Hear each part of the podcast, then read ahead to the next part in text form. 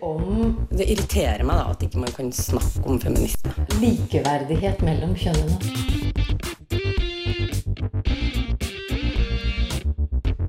Det blikket på kvinnen på film. handlet det om å bli tatt på alvor som jente.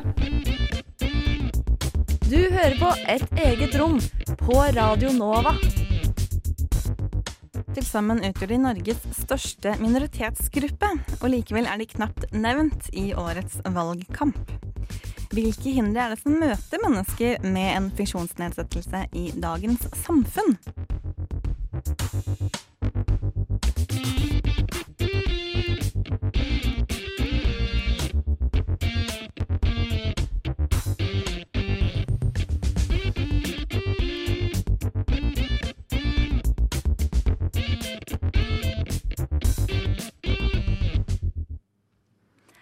Hei og velkommen til et eget rom. Det er mandag igjen, hurra! Eh, Klokka er ti, hurra! Og det er søren meg september!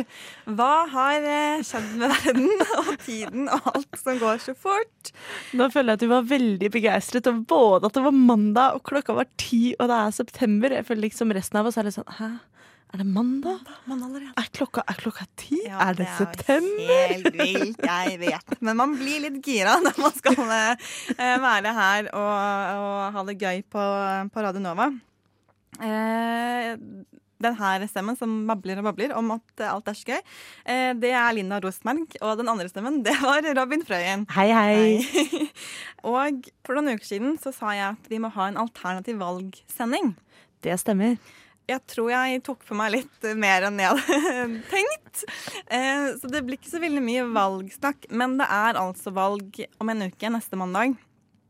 Eh, Og i anledning det så skal vi altså snakke om eh, en gruppe mennesker som har det til felles at de har en funksjonsnedsettelse.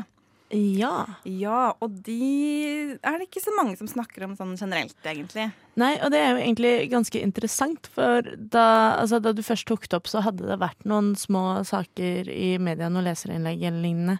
Eh, og så gikk jeg inn og prøvde å lese litt på det i forkant av denne sendingen, og fant ut at det var mellom 15 og 20 prosent av den norske befolkningen som er funksjonshemmet til eh, varierende grad, men som da blir kategorisert som funksjonshemmet. Og det er jo helt sinnssykt stor andel av den norske befolkningen. Det er veldig mange mennesker. Og de, eh, jeg kan ikke si at jeg har sett så mye til det i partiprogrammene langs Spikersuppa akkurat.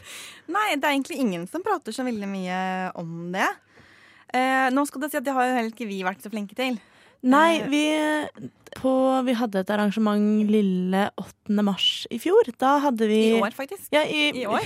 I, Det, det, er, år! det er veldig lenge siden. Før sommerferien. ja. Ja, det, ja i år. Eh, og da var det en panelsamtale om eh, seksuell helse og så videre. Og da hadde vi noen fra, fra FFO, tror jeg. Det var Unge- Unges Handikapforbund. Det stemmer. Eh, nei, ja, eller noe, en av disse ungdomsorganisasjonene til handikap. Jeg skal ikke ta det helt sikkert at det var akkurat den eh, organisasjonen, men ja. Men det var akkurat 7. mars, i hvert fall. Og det var, at, vi eh, var ikke på lufta engang, liksom. Det Nei. var her på Chateau Neuf. Det stemmer. eh, for et lille publikum. Så det er jo egentlig utrolig pinlig å måtte erkjenne at vi har snakket altfor lite om mennesker med disse mm, Definitivt. levekårene. Ja. Eh, og så er det Det er interessant å se også hvor lite Jeg føler jo at radio, da blir man veldig fort avhengig av at folk kan høre på, for Ja, eksempel. ikke Men man sant? tenker ikke noe over at de som hører på, kanskje Kanskje de ikke kan se, eller kanskje de ikke kan gå, eller kanskje de eh, får det transkribert og leser det i stedet, hva vet nå vel jeg. Men at vi trenger så sjelden å ta stilling til funksjonshemming, for vi er så heldige at vi er ikke funksjonshemmet. Det er jo en lykke for oss. Det er et det er privilegium. Jeg tror at folk Altså, jeg vet at folk som har en funksjonsnedsettelse, også har lykkelige, fine liv. Å ja, definitivt. Men, men de har et liv som jeg har veldig vanskelig for å se for meg, fordi jeg ikke har vært i den situasjonen selv. Og jeg, derfor så tenker jeg heller ikke over de utfordringene som de har å møte på hver eneste dag. Ja, nei, det, jeg tror du har helt rett i det, og det er, som jeg sa, så er det liksom det er et privilegium vi har som Altså ikke funksjonsnedsatte. Hva, er, hva er termen for det? Funksjonsfriske, Fu- kanskje? Ja, det stemmer vel. Funksjonsfriske. Men jeg ser jo også at det har vært en stadig større synliggjøring av i hvert fall eh, synshemmede og hørselshemmede i det siste, har jeg i hvert fall fått inntrykk av. Eh, nå følger jo jeg også en del sånne Snapchat-kontoer hvor det er eh, flere brukere som deler en konto, som Snap-kollektivet eller Hverdagsskeiv, hvor de er flinke på å inkludere folk som er eh, hørselshemmede ofte, og har Snap-dager med bare tegnspråk, og da tekster alle snapper. Og det er jo en ting er jo at det er supert for de som er døve, men det er jo også litt deilig hvis du sitter på bussen og ikke gidder å ha lyd på telefonen. Ja, det er helt sant. Det kommer egentlig alle mennesker til gode. Ja, ikke Det er i hvert fall veldig mange. Eh, ganske snart så skal vi virkelig kaste oss ut i det her. Det er noen ting som eh, er litt sånn brennhete. Det ene er elsparkesykler, og det andre er egentlig samferdsel her i Oslo. Mm. Eh, men før vi liksom kaster oss ut, i det, ut på det farvannet der, så må vi nesten ha litt musikk sånn eh, tidlig på formiddagen en mandag i september. Nå satser jeg på at du har valgt noe skikkelig koselig og bra. Eh, det husker jeg ikke. Det er litt overraskelse over å begge. Men det er Vinky som synger, og låta heter Wiggle. Hit him with a two-step. Litt sånn eh, funky eh, basslinjer, gitarriff. Eh, Var det en grei låt å våkne til, Robin? Å, det var en sånn god, smooth, funky låt. Det, da får man bygget opp godt til resten av mandagen. Veldig fint. Du hørte i hvert fall Vinky med låta Wiggle. Eh, og det er altså Robin og Linda som snakker litt eh, om, eh, kanskje litt på vegne forhåpentligvis, eh, ulike mennesker med ulike funksjonsnedsettelser. Mm. Og det som er litt gøy, som jeg har lagt merke til flere ganger i min familie, eh, det skal sies at i min familie så liker man overhodet ikke Miljøpartiet De Grønne. Å, staselig. Det er virkelig motstand. Og en av de tingene som dukker opp noen ganger, da, det er at eh, når man skal kritisere samferdselspolitikken deres i Oslo, så er det tenk på de som kanskje er litt dårlige etter ben, eller som har en funksjonsnedsettelse. Eh, Du kan ta et hvilket som helst annet tema, og de tenker ikke på ordet funksjonshemmet overhodet. Det eksisterer ikke. Det er kun når det er snakk om bommer og parkeringsplasser og Miljøpartiet i Oslo. Det er jo helt nydelig. Det er Ja. også en liten sånn ironi i det. For jeg har prøvd å lese litt om eh, politikken i Oslo som rammer eh, folk med funksjonsnedsettelse. Og det som liksom dukker opp først, er jo at MDG vil ha inn flere handikap-parkeringsplasser i Oslo sentrum. Men eh, nei, det er jo litt som de som aldri kjemper et eneste slag for menns rettigheter før noen sier at kvinner ikke har det bra. Så sier de «Øh, nei, men menn får ha det også litt Ja, det er, noen likheter her. Men en ting da, som kanskje mange har irritert seg over, uavhengig av hva de har han politiske meninger, det er disse elsparkesyklene. Ja, det er altså De har jo tatt over Oslo by. Og må, sikkert flere byer. Må vi være litt strenge. For eh, jeg leste her om dagen om blinde Andrea, som har blitt påkjørt åtte ganger. Og folk skylder på henne for hun går av veien, og hun sier 'jeg er, jeg er blind, jeg ser deg ikke'. Og det er ikke så lett å høre en elsparkesykkel midt i Oslo sentrum, hvor det er lyder overalt. Og jeg hadde, jeg hadde skjønt kritikken hvis hun gikk i veien. Men faktum her er jo at Andrea, som alle andre som har blitt påkjørt av elsparkesykler, har gått på fortauet. ja. Nei, så det eh, Og så er det i tillegg til at folk åpenbart ikke vet hvordan man kjører på en sparkesykkel, så blir de jo også slengt fra seg overalt, hvor de bare ligger på tvers av fortauet, og folk må trå langt over dem. Og hvis du sitter i rullestol eller går med krykker, så ser jeg for meg at det kan jo ikke være like greit hele tida. Nei, altså, det er jo vanvittig irriterende når man ikke sitter i rullestol eller er blind eller går på krykker. Så jeg skjønner jo det må være litt frustrerende, mildt sagt. For de som sant? faktisk blir veldig berørt av det her. Jeg også har reagert på at det er noen steder på Løkka hvor jeg bor, hvor det er gode, breie, fine fortau. Hvor nå halve fortauet er bare kapra av sånne her rekker med sparkesykler som settes opp om morgenen, og så skal man kunne gå og forsyne seg. Men det gjør jo også at hele funksjonen med det brede fortauet, det forsvinner jo. Ja. Det er jo en sykkelparkering, det nå. ja. En ting da, som jeg faktisk ikke har tenkt over selv i min irritasjon over disse sparkesyklene, det er at eh, Andrea hun har en hund. Ja, jeg leste, leste den saken jeg også. Hun har jo en, en førerhund. Ja. Og den hunden den har blitt ganske skeptisk til eh, sparkesykler. Veldig forståelig, stakkars hund. Ja. Eh, problemet er at hvis den blir redd, så kan den ikke lenger brukes som førerhund. Nei, jeg leser at da må den sendes inn. Enten så, blir den, altså enten så får den sparken i jobben som førerhund, eller så må den sendes inn til sånn dyre retreningsprogrammer hvor de må drive og avtrene redselen med sparkesykler.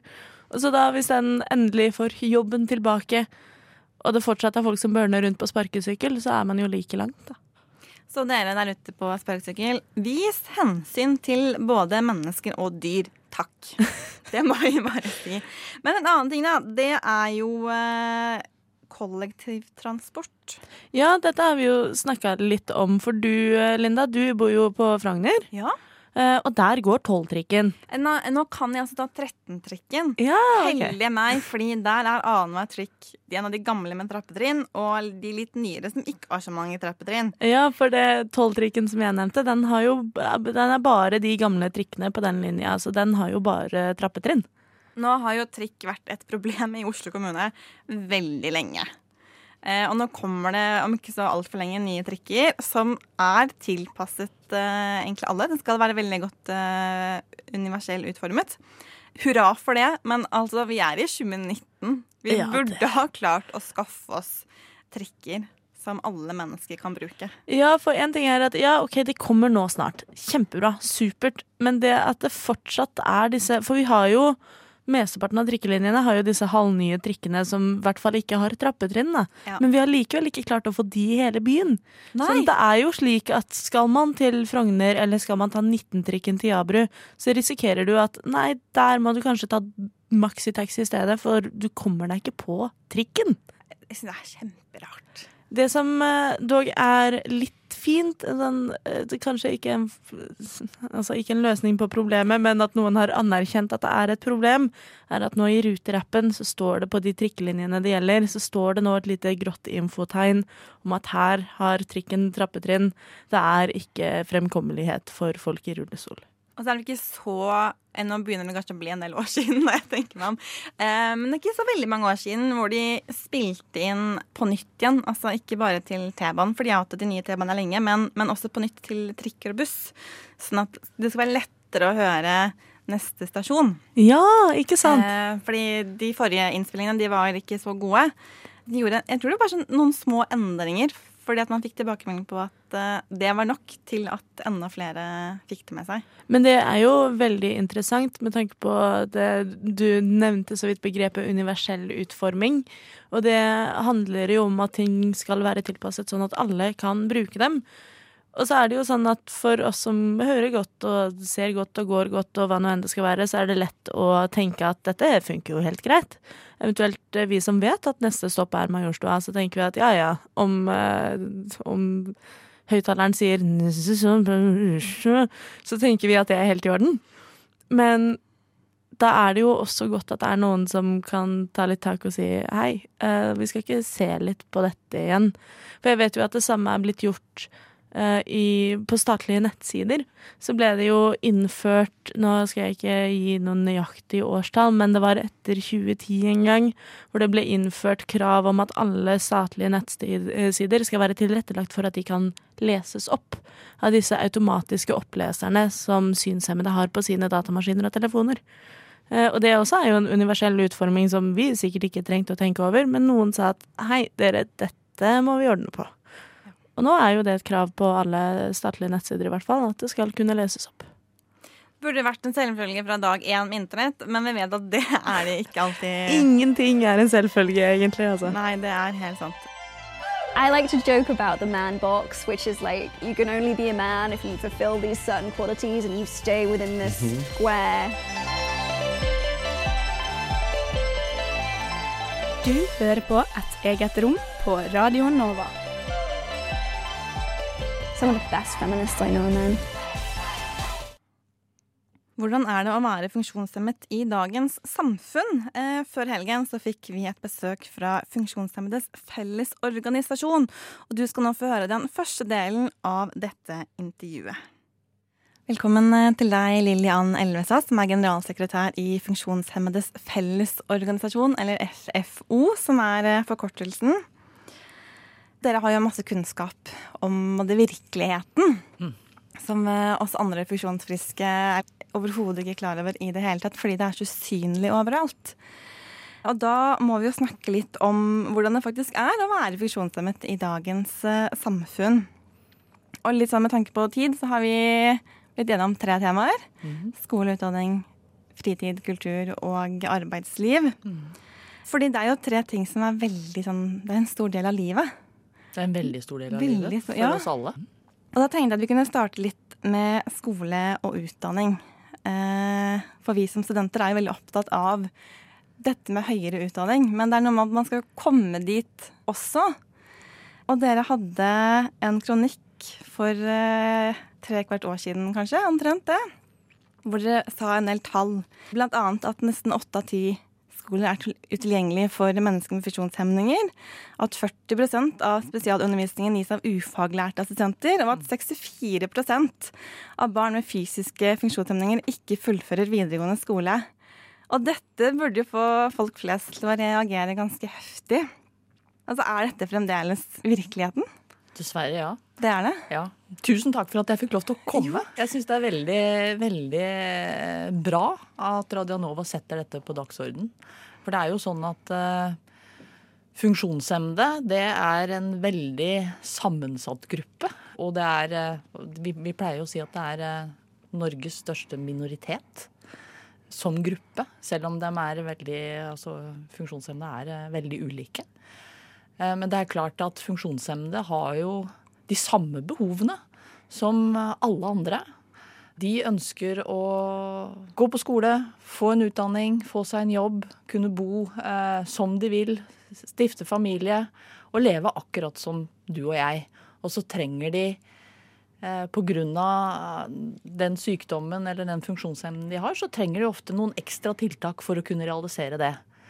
Og det er ikke spesielle behov, det er helt vanlige behov. Og så er det sånn da at eh, det er faktisk ikke selvsagt at funksjonshemmede fullfører skolen og får en utdanning, om det er videregående skole eller en høyere utdanning. Eh, og det er så veldig, veldig viktig for oss alle for å kunne få en jobb, kunne forsørge seg selv eh, og leve selvstendig. Og så skulle du tro da at i et land som Norge, at her har vi råd til å få egnede skolebygg, få et tilpasset undervisningsopplegg for ikke minst kvalifiserte lærere til å uh, undervise. Uh, og gi dem den kunnskapen som trengs, som er så aller veldig, veldig viktig for å få en jobb. Det å ha en utdanning som er viktig for alle for å få en jobb, men den er veldig, og kanskje enda mer viktig, for funksjonshemmede. Og vi ser at funksjonshemmede som får en høyere utdanning, har en langt større sannsynlighet for å så komme i jobb. Eh, faktisk enn en funksjons, det man kaller funksjonsfriske, da, hvis man skal kalle det det. Er sikkert et feil begrep, men, men liksom for å tydeliggjøre forskjellen. Så er det sånn at i Norge så har man eh, ja, Generelt sett så har man vel ofte mye gamle, dårlige skolebygg. Og det betyr at veldig mange av de skolebyggene ikke er tilrettelagt eller gjort tilgjengelige for funksjonshemmede. Gjelder det da et vidt spekter av funksjonshemmede, eller er det først og fremst de som er avhengig av rullestol? For jeg tenker at det er kanskje de med rullestol hvor de som folk flest tenker på.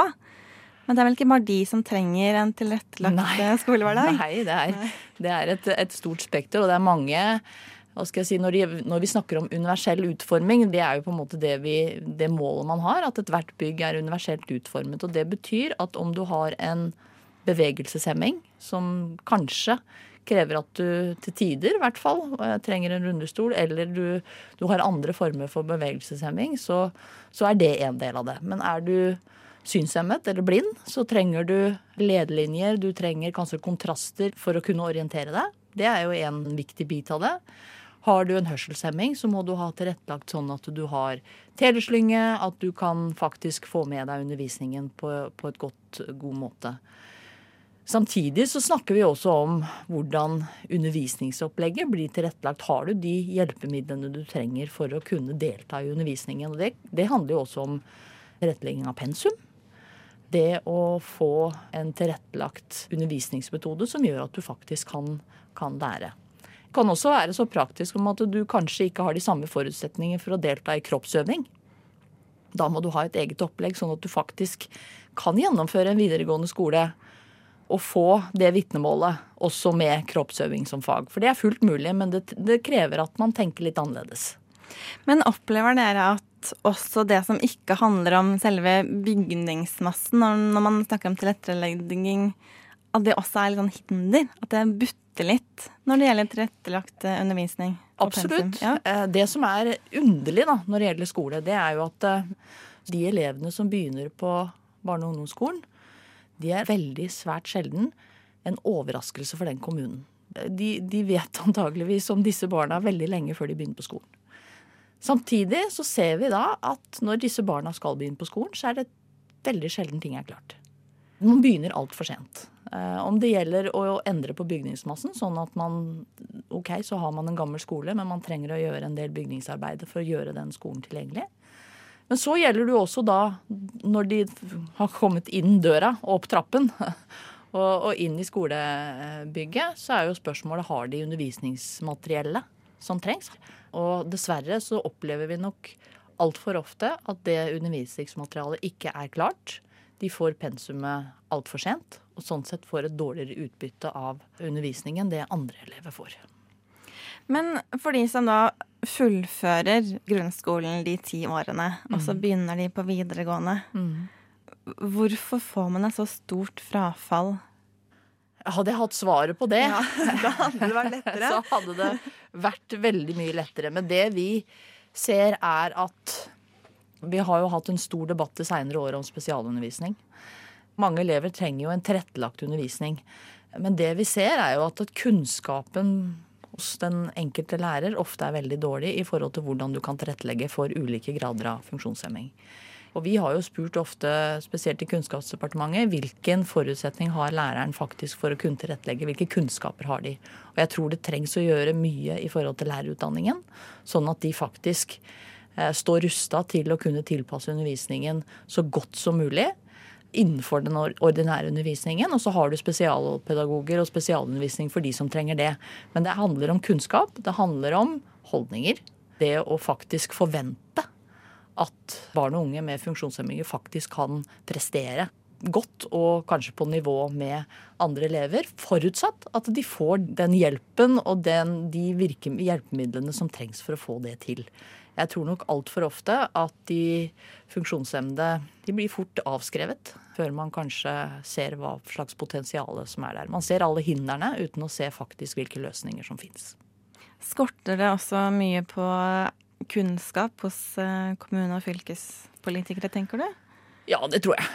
Det, det skorter på kunnskap, både i forhold til hva som trengs, men ikke minst kunnskap om hvordan realitetene er der de har ansvar.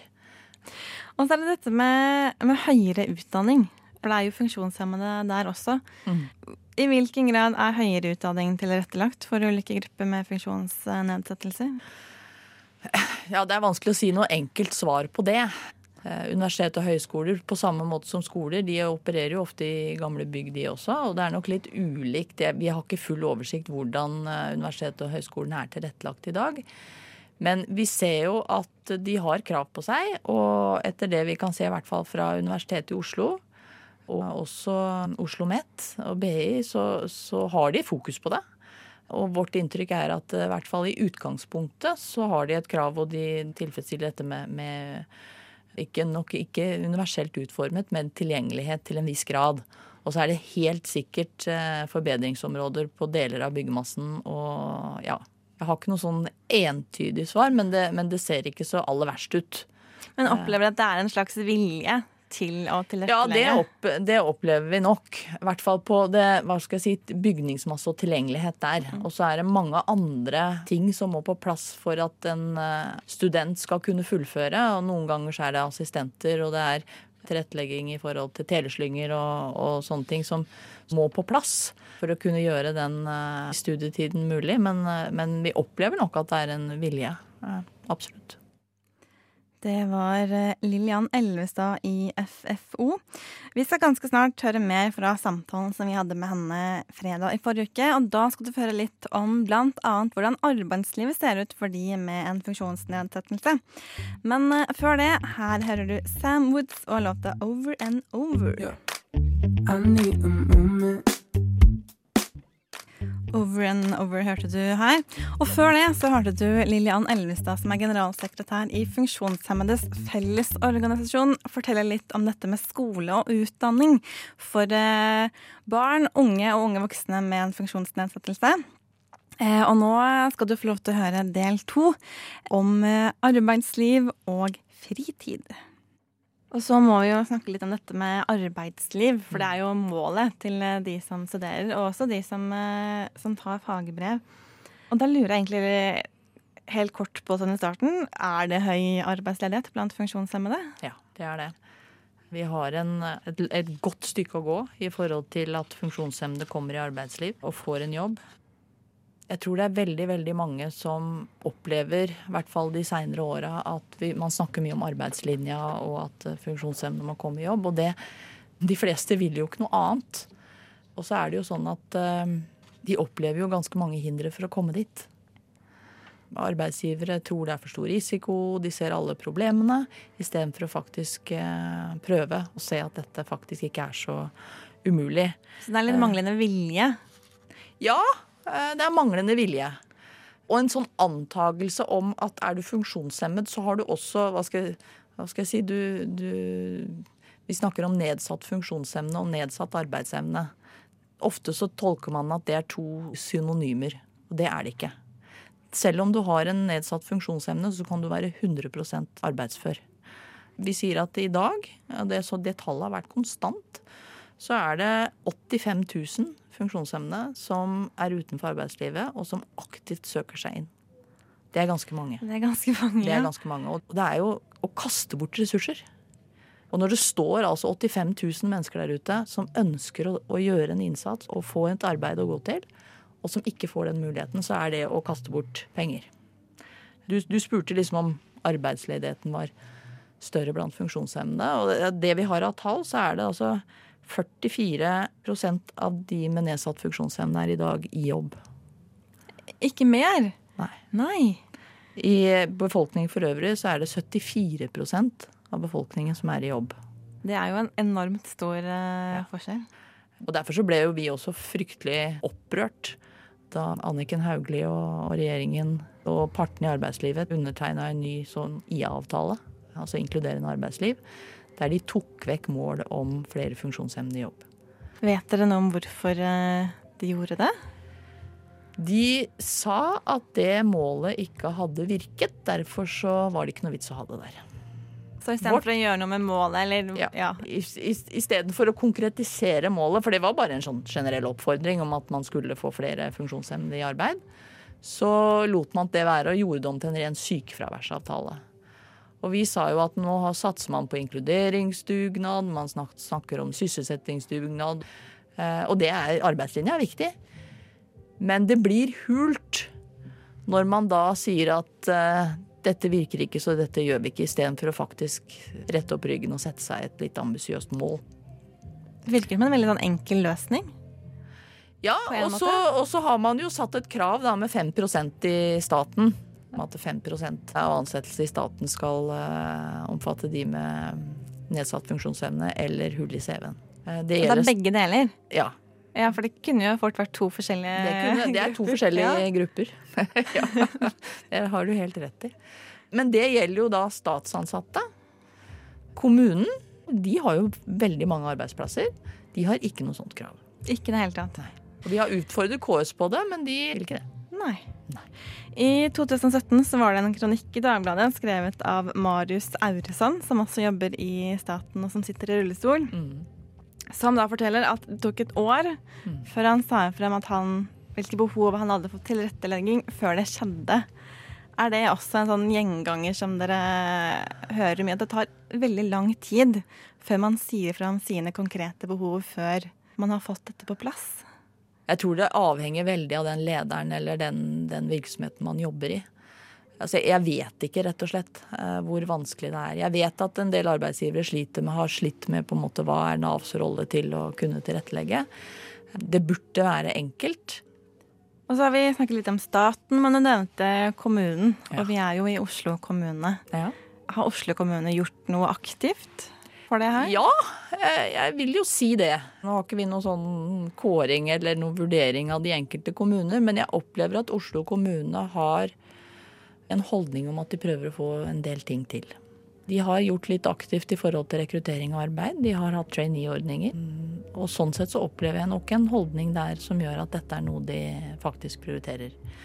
Og så er det jo slik at eh, Oslo de liker å se på seg selv som en eh, Som en inkluderende by. Og da er jo spørsmålet er kultur- og fritidstilbudet i Oslo egentlig tilgjengelig for alle? Ja, si det. det har dere kanskje ikke noen veldig konkrete tall på? Det som er altså bare sånn som kultur og fritid, da, fordi at det vi opplever litt sånn, på, sånn politisk, det er jo at man snakker om utdanning og man snakker om skole. Og fritid, det er litt sånn Det er ikke så farlig? Ja, nei, altså, ikke sant. Skal man ha BPA eller ordninger, så er det litt sånn fritid, ja, men det er viktig at de får det liksom i tilknytning til jobb og skole, men fritid er ikke så viktig. Ja, for BPA det er personlig Brukerstyrt personlig Ja. assistent. Man retter liksom alle tjenesteordninger inn mot det at du skal være produktiv, du skal få en utdanning og du skal jobbe. Men det er jo klart, hvis du ikke er med i det sosiale, så sliter du også med å komme inn i skole og arbeidsmarked. Dette henger veldig, veldig nøye sammen. Så det å få fritids- og kulturarenaer som er tilgjengelig, og tilbud som kan inkludere alle, og ordninger som kan bidra til at funksjonshemmede faktisk har mulighet til å delta, er ekstremt viktig. Og jeg tror det er, det er en forutsetning også for at, at eh, flere kommer i jobb, rett og slett. Så det er klart at det å få tilgjengelige kulturarenaer, det er ikke så lett. Og så er det, ikke sant, det er mye privat. Og vi har jo sett avisoppslag der man blir nektet adgang fordi man sitter i rullestol. Og så sier ikke jeg at det er kommunens skyld, men altså, kommunene kan sette ganske tydelige krav til arenaer. Veldig ofte så får jo kultur- og fritidsarenaer kommunal og offentlig støtte. Det burde være et krav om at de som får offentlig støtte, også sine arrangementer er tilgjengelig. Det er jo ikke ok når du skal på kino sammen med vennene dine og du blir henvist til bakgangen. Både inn og ut. Ja, for er det vanlig? At du må liksom Du kan ikke komme inn hovedinngangen, fordi der er det en trapp? Noen steder så er det jo det. Ja. Det er jo litt avhengig av bygningsmassen igjen, da. Altså, det handler jo litt om det å oppleve seg selv som likestilt. Og så hadde Dagsavisen en sak på trykk nå i juli med tittelen 'I utelivsbydelen Grünerløkka finnes bare ett utested. Roger kommer inn med rullestol'. Som også var for min del ganske sjokkerende, for man tenker at uh, det må jo være lettere enn det hvis man sitter i rullestol og komme seg ut, spise middag, gå på kafé, ta seg en kaffe eller vin eller hva som helst. Men er det også en stor grad av virkeligheten? Det er en stor grad Ja. av virkeligheten. Det er det. Funksjonshemmede må kartlegge litt hvor de har tenkt å gå. Pub til pub er ikke lett. Nei. Eh, Fordi at det er begrensa hvor, du- hvor du kommer inn. Er det trapper? Er det i det hele tatt rom for eh, en rullestol? Og ikke minst også altså Én ting er jo bevegeligheten, men du har jo også andre, andre hensyn, som, som telesting og, og dette med å faktisk kunne høre. Da. Så det er en stor del av virkeligheten for veldig, veldig mange. Du hørte Lilly Ann Elvestad, generalsekretær i Funksjonshemmedes Fellesorganisasjon. Robin og jeg vi skal snart ta tilbake mikrofonen og snakke litt til. Litt om sånn eh, universell utforming igjen, litt om døvhet, tegnspråk, kanskje litt sånn for blinde. Eh, Men før det Serena Isiums med Do I Make You Nervous? Hey pretty baby, you look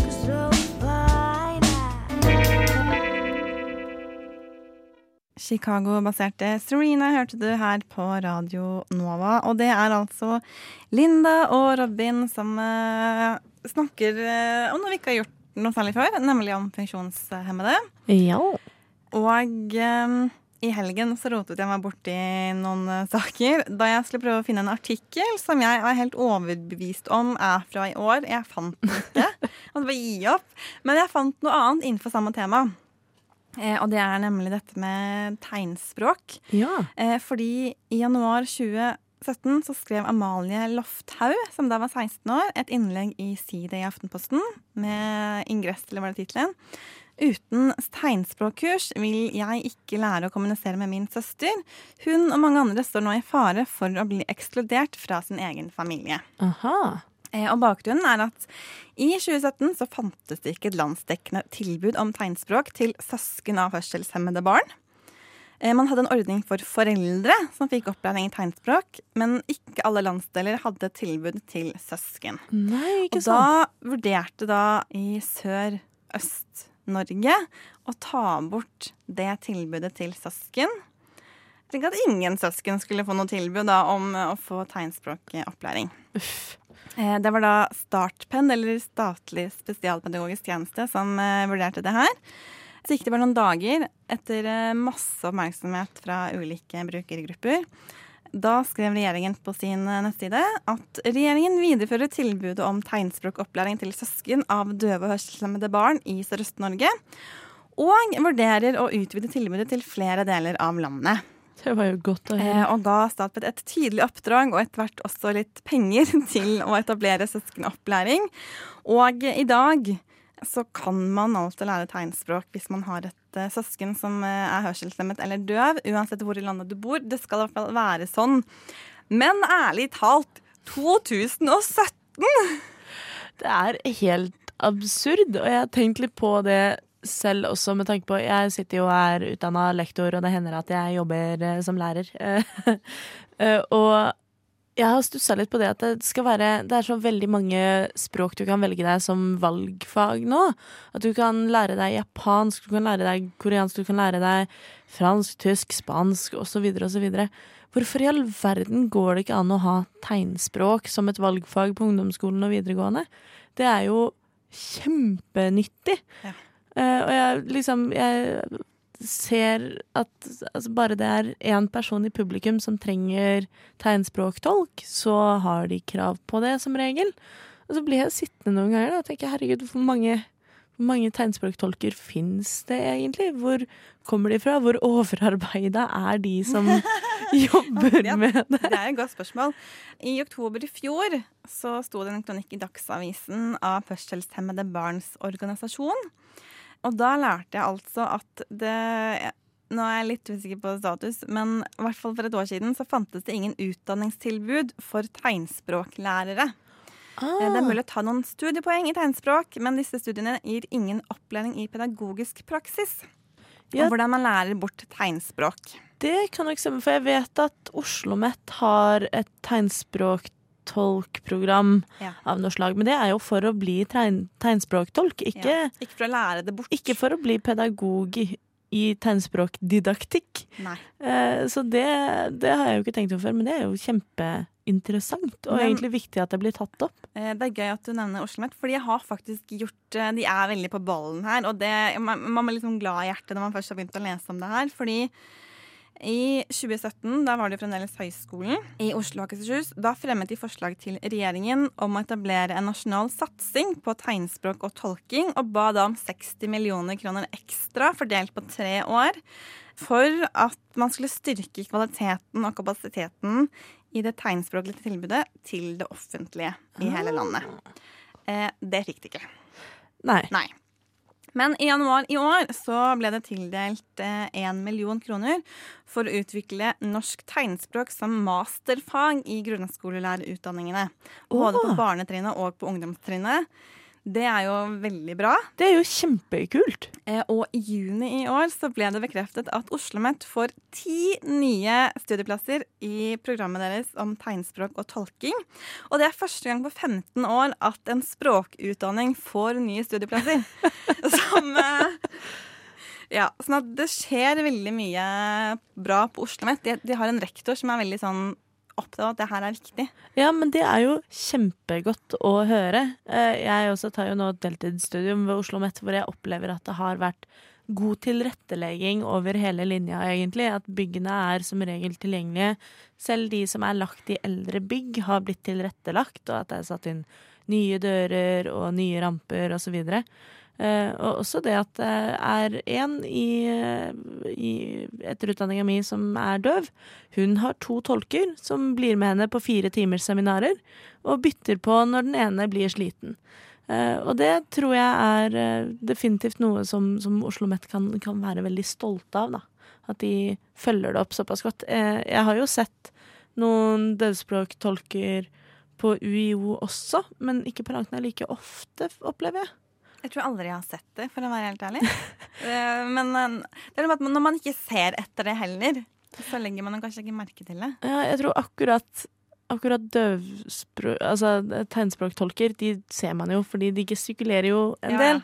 Uh, men jeg kom på nå at det eneste, eneste forelesningen jeg kan huske å ha sett det i, det var da jeg tok sosiologi for syv år siden. Ja. Så var jeg i noen forelesninger hvor det var døvspråktolker. Men ellers så tror jeg nok ofte at de ressursene blir Altså at det er lettere å finne det i etterutdanninger og kveldsundervisning og sånn, for der er det mindre elevgrupper og litt mer konsentrert, sånn at det er enklere å tilrettelegge i slike situasjoner enn det er i forelesninger med 200 stykker. Det kan nok hende. Vi må kaste oss litt videre, men jeg skal bare si én ting som jeg faktisk eh, ikke Ja, det har jeg visst om en stund, men det også er relativt ny eh, datokunnskap for min egen del. Eh, visste du at døve og hørselshemmede ikke får gi blod? Hæ? Ja, fordi, og det her har Diskrimineringsnemnda vurdert, og de mener at dette er ikke en diskriminerende praksis. Og årsaken er at dette, det er jo et slags blodgiverintervju som man må gjennom.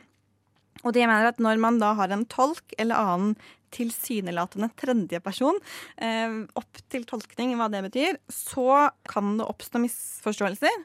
Og derfor så kan ikke døve og hørselshemmede som er avhengig av en tolk, gi blod. Jøss, yes, det hadde jeg ingen anelse om. Og man tenker at kan man ikke bare skrive, og så går det helt fint. Eventuelt kan man ikke da tilby et tegnspråkkurs til de sykepleierne som utfører disse intervjuene? For eksempel. Godt forslag, Robin. Det her syns jeg vi skal eh, sende videre til uh, Vi tar det til blodbanken. Vi tar det til blodbanken. Definitivt. Hey, yeah. You don't have to love me. You don't even have to like me. But you will respect me. Cause I'm a boss. Et eget rom. Radio Novas feministiske program.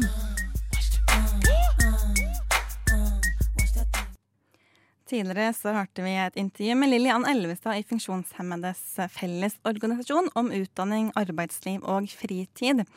Men med tanke på at det neste mandag er valgdag, så lurte vi selvfølgelig på om det er andre temaer som også er viktige for FFO nå i forkant av kommunevalget. Nå er det jo valgkamp, og jeg regner med at dere har eh, noen meninger om uh, viktige tematikker. Uh, så hvis vi tar det litt sånn generelt, hva er viktige saker for dere? Eller eh, på en annen måte, hva ønsker dere at politikerne skulle snakket mer om? Vi har, altså I år så har vi en valgkampkampanje som heter Gi meg fem. For likestilling av funksjonshemmede i kommunene. Og det handler jo om at det er kommune- og fylkestingsvalg. Vi lever alle livene våre i en kommune, og veldig mange av de tjenestene, forholdene vi, vi bor i, er jo avhengig av kommunepolitikken. Og det er jo klart at uh, Derfor så er jo vi opptatt av at våre felt blir løfta fram i valgkampen. Og det, der strever vi jo med å hva skal jeg si, bli naturlig inkludert som en del av innbyggerne. Ja. Uh, det blir litt sånn at uh, man snakker om innbyggerne, og så snakker man om funksjonshemmede i en, et eget kapittel. Uh, og det er jo, ikke sant, Når man snakker om transport, så skal man snakke om transport for alle. Om det er busstilbud eller togtilbud eller andre typer kollektivtransport. Men da snakker man om, man om transport, og så har man et eget kapittel om handikapplasser. Under kapitlet om funksjonshemmede. Nå, nå generaliserer jeg veldig, men, men, vi ser jo ofte det at eh, hva skal jeg si, den norske bevisstheten går ikke på at funksjonshemmede er en del av befolkningen samla sett, men det er befolkningen, og så er det funksjonshemmede i en egen gruppe. Eh, og det ønsker jo vi å sette søkelys på. Det er også en holdning, og det vi også, ser vi jo litt i, i partiprogrammene, at uh, man snakker ikke om likestilling av funksjonshemmede. Man snakker om pleie, omsorg og tjenester for funksjonshemmede, og så er det likestilling av kjønn, etnisitet og seksuell legning, f.eks. Så det er litt begrenset til helse- og omsorgssektoren, ja. og så glemmer man dem i alle andre sektorer? Eh, altså, ja. Eh, det del, altså, ikke det at man glemmer dem i alle andre sektorer, men, men man ser på det som litt sånn særskilte tiltak. Istedenfor å si at dette er faktisk en del av det vi trenger å ha på plass for at vi skal, dekke, vi skal nå eh, og legge forholdene til rette for alle våre innbyggere. Så derfor så har vi løftet det. Dette med kultur og fritid, skole, arbeid og, og helse. Helsetjenestene i kommunene. Det, alle de feltene må, må løftes i en, eh, i en, kommunevalgkamp, på samme måte som de også må løftes i en, en stortingsvalgkamp, men ikke minst i kommunene. For det er nettopp der man kjenner på kroppen hva slags tilbud man får. Nå nærmer det seg jo eh, valgdag for mm. kommunevalgene. Mm. Eh, og dere har kort sett litt på noen av partiprogrammene. Mm.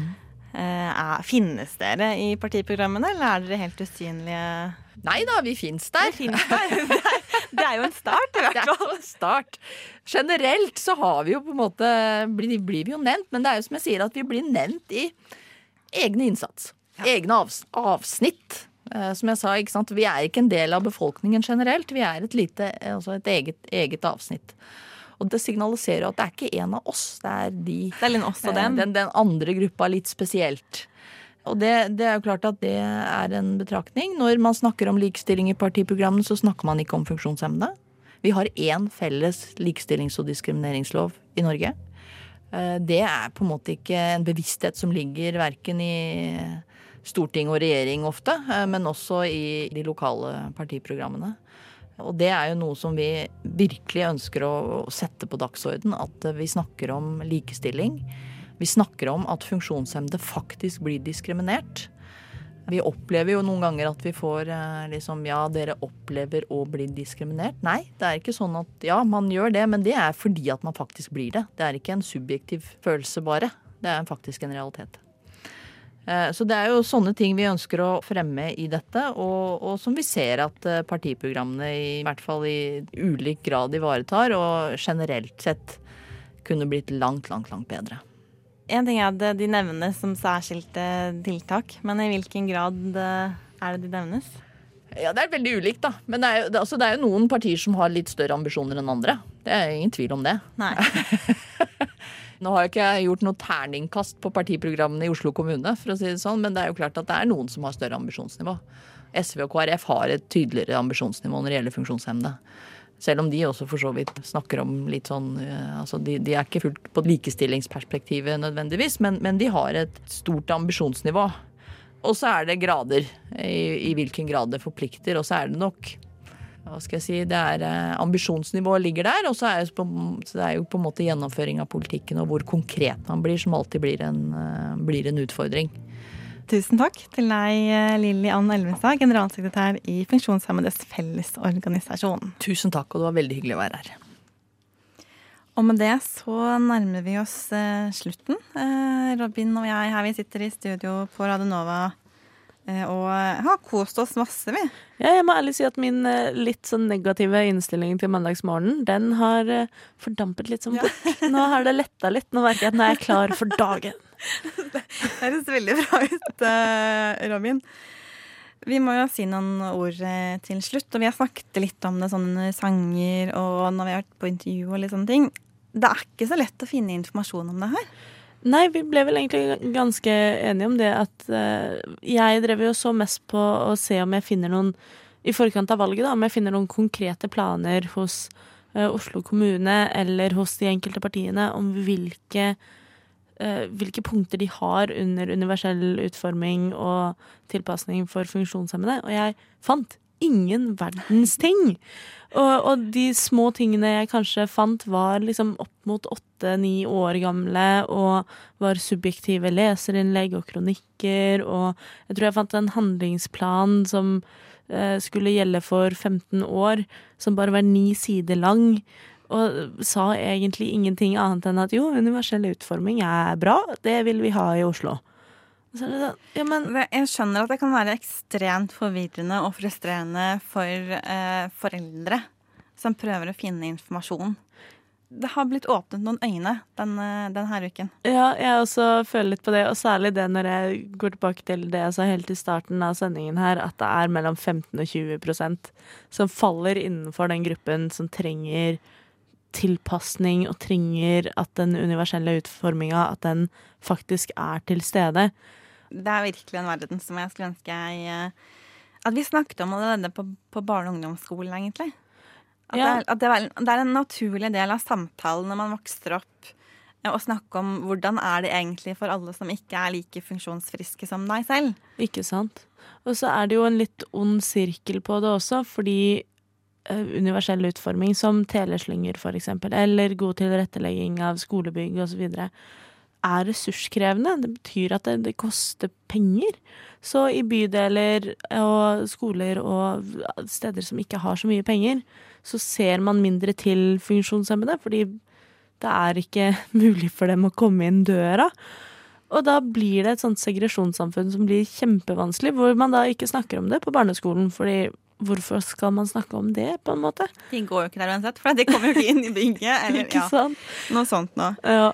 Eh, vi må dessverre runde av. Eh, du har altså hørt et intervju med Lilly Ann Elvestad eh, ja, fra Funksjonshemmedes Fellesorganisasjon. Det har likevel vært et utdrag. Eh, vi legger ut intervju i sin helhet eh, på SoundCloud, så følg med. Eh, så kan du høre da alt vi snakket om i dagene som kommer. I studio så har du hørt stemmene til Robin Freien og meg selv, Linda Rosenberg. Og her har jeg lite jeg har, Vi har et bonusspor til dere, faktisk. Dere som, ikke dere som hører på eh, oss på radio, men for dere som eh, har eh, søkt oss opp på Spotify eller din podkast-app, så skal du nå få høre en reportasje fra 2011 som ble laget av Marit Gjermundsrød i Sorgenfri fra Blindeforbundet om det å leve som blind. Og så høres vi om eh, en uke. Handle. Det kan være vanskelig nok. Gå på en matbutikk og ikke vite om du får hjelp eller får deg hjelp der. For du er jo avhengig av at, noen, at noen der inne har tid til å være med deg rundt. Så jeg står på Majorstua og venter på banen min. Da glemmer de ofte at de skal annonsere hvilken bane som kommer. Og det er veldig slitsomt. Jeg har mista mange baner på det. Og det er en enkel ting med en høyttaler på utsida at de bare kan si hvilken bane som kommer når de kjører inn på en park. 80% av sanseinntrykkene våre kommer gjennom øynene. Og det er nok vanskelig for mange av oss å forestille seg en hverdag uten syn. Hanne Beate Misund er en av mange nordmenn som ikke kan se. Vi tok en tur ned på Blindeforbundet for å snakke med henne om nettopp det å være blind. Kan du fortelle litt om deg selv? Ja, for det første, jeg heter Hanne Beate Misund, og jeg har vært blind i hele mitt liv. Jeg vet ikke om noe annet. Det, altså Dagene mine er jo veldig lik mange andres, bortsett fra at jeg er så uheldig at jeg ikke har jobb. Som eh, egentlig kunne selvfølgelig kunne tenkt meg som alle andre, men da må jeg jo fylle dagene med forskjellige ting. Og siden jeg nå har en førerhund, så blir det jo litt turgåing. Det blir å, å dra på og gjøre forskjellige ærend der man vil. eh, Og butikker og, og forskjellige sånne ting. Og på besøk til venner og kjente. Og, og en del reising blir det også. Hvordan opplever du verden som blind? Det er jo veldig forskjellig hvor man Altså, jeg opplever den i forhold til at jeg bor i en storby. Og, og der kan det være ganske vanskelig å, å både oppfatte ting og finne ut hvordan ti- hvor ting er, og hvordan det ser ut. Og hvordan, så, så det er ofte et problem hvis du ikke du Du må være godt kjent for å finne frem og finne ut av ting. Og, og det er jo noe av det jeg må i forhold til kanskje dere andre. Jeg må, hvis jeg flytter til en plass, sånn som mange studerer jo i Oslo, og da må du lære deg konkrete ting. Du må lære deg fra A til B, altså hvor du skal gå hen for å finne et postkontor, butikken, alt mulig sånt. Dere kan bare gå dere en runde og si at ja, der var det, og der var det. For meg krever det mye, mye mer tid, og jeg må også kanskje lære meg enkelte ruter som jeg kan gå. Jeg kan ikke bestandig bare kanskje gå en snarvei fordi at jeg vet at den er der. og det, Da må du lære det. Så alt må, du må ha veldig mye i hodet. Og, og der du i gater og der du går, så må du En veldig fordel om du ikke husker alle gatenavn, men å huske sånn noenlunde parallellgater og hvordan ting går i forhold til hverandre. I forhold til butikker og det du skal til. Er det noe spesielt du syns andre bør vite om blinde? Det er ikke noe annet enn at vi er akkurat likedan som alle andre, det er bare at vi ikke ser. Og derfor så kan vi Det er ikke noe farlig å snakke til oss, så vi kan være med på masse ting. Vi kan gjøre veldig mye av det samme som, som andre, annet enn det som da er problematisk pga. synet. Så vi er ikke noe annerledes. Vi har de samme behov og tanker som alle andre. Hva kan man gjøre hvis man har lyst til å vite mer om det å være blind, eller kanskje hjelpe til eh, å være ledsager eller lignende? Hvis man har lyst til å lese litt mer om det, så kan man gå inn på hjemmesidene til, til Norges Blindeforbund. Altså www.blindeforbundet.no. Og der kan man finne alt mulig, både om de avdelingene som er her, og hva de jobber med, og finne litt brosjyremateriell og forskjellig, og litt om fylkeslag. Og hvis man har lyst til å være ledsager eller på en eller annen måte hjelpe eller støtte, så går det også an å ta kontakt direkte med, med Oslo fylkeslag og Norges Blindeforbund, og, og da tilby sin eh, tjeneste eller det de har lyst til å gjøre. Og da kan de jo ringe 23 21 50 00 og spørre etter Oslo fylkeslag.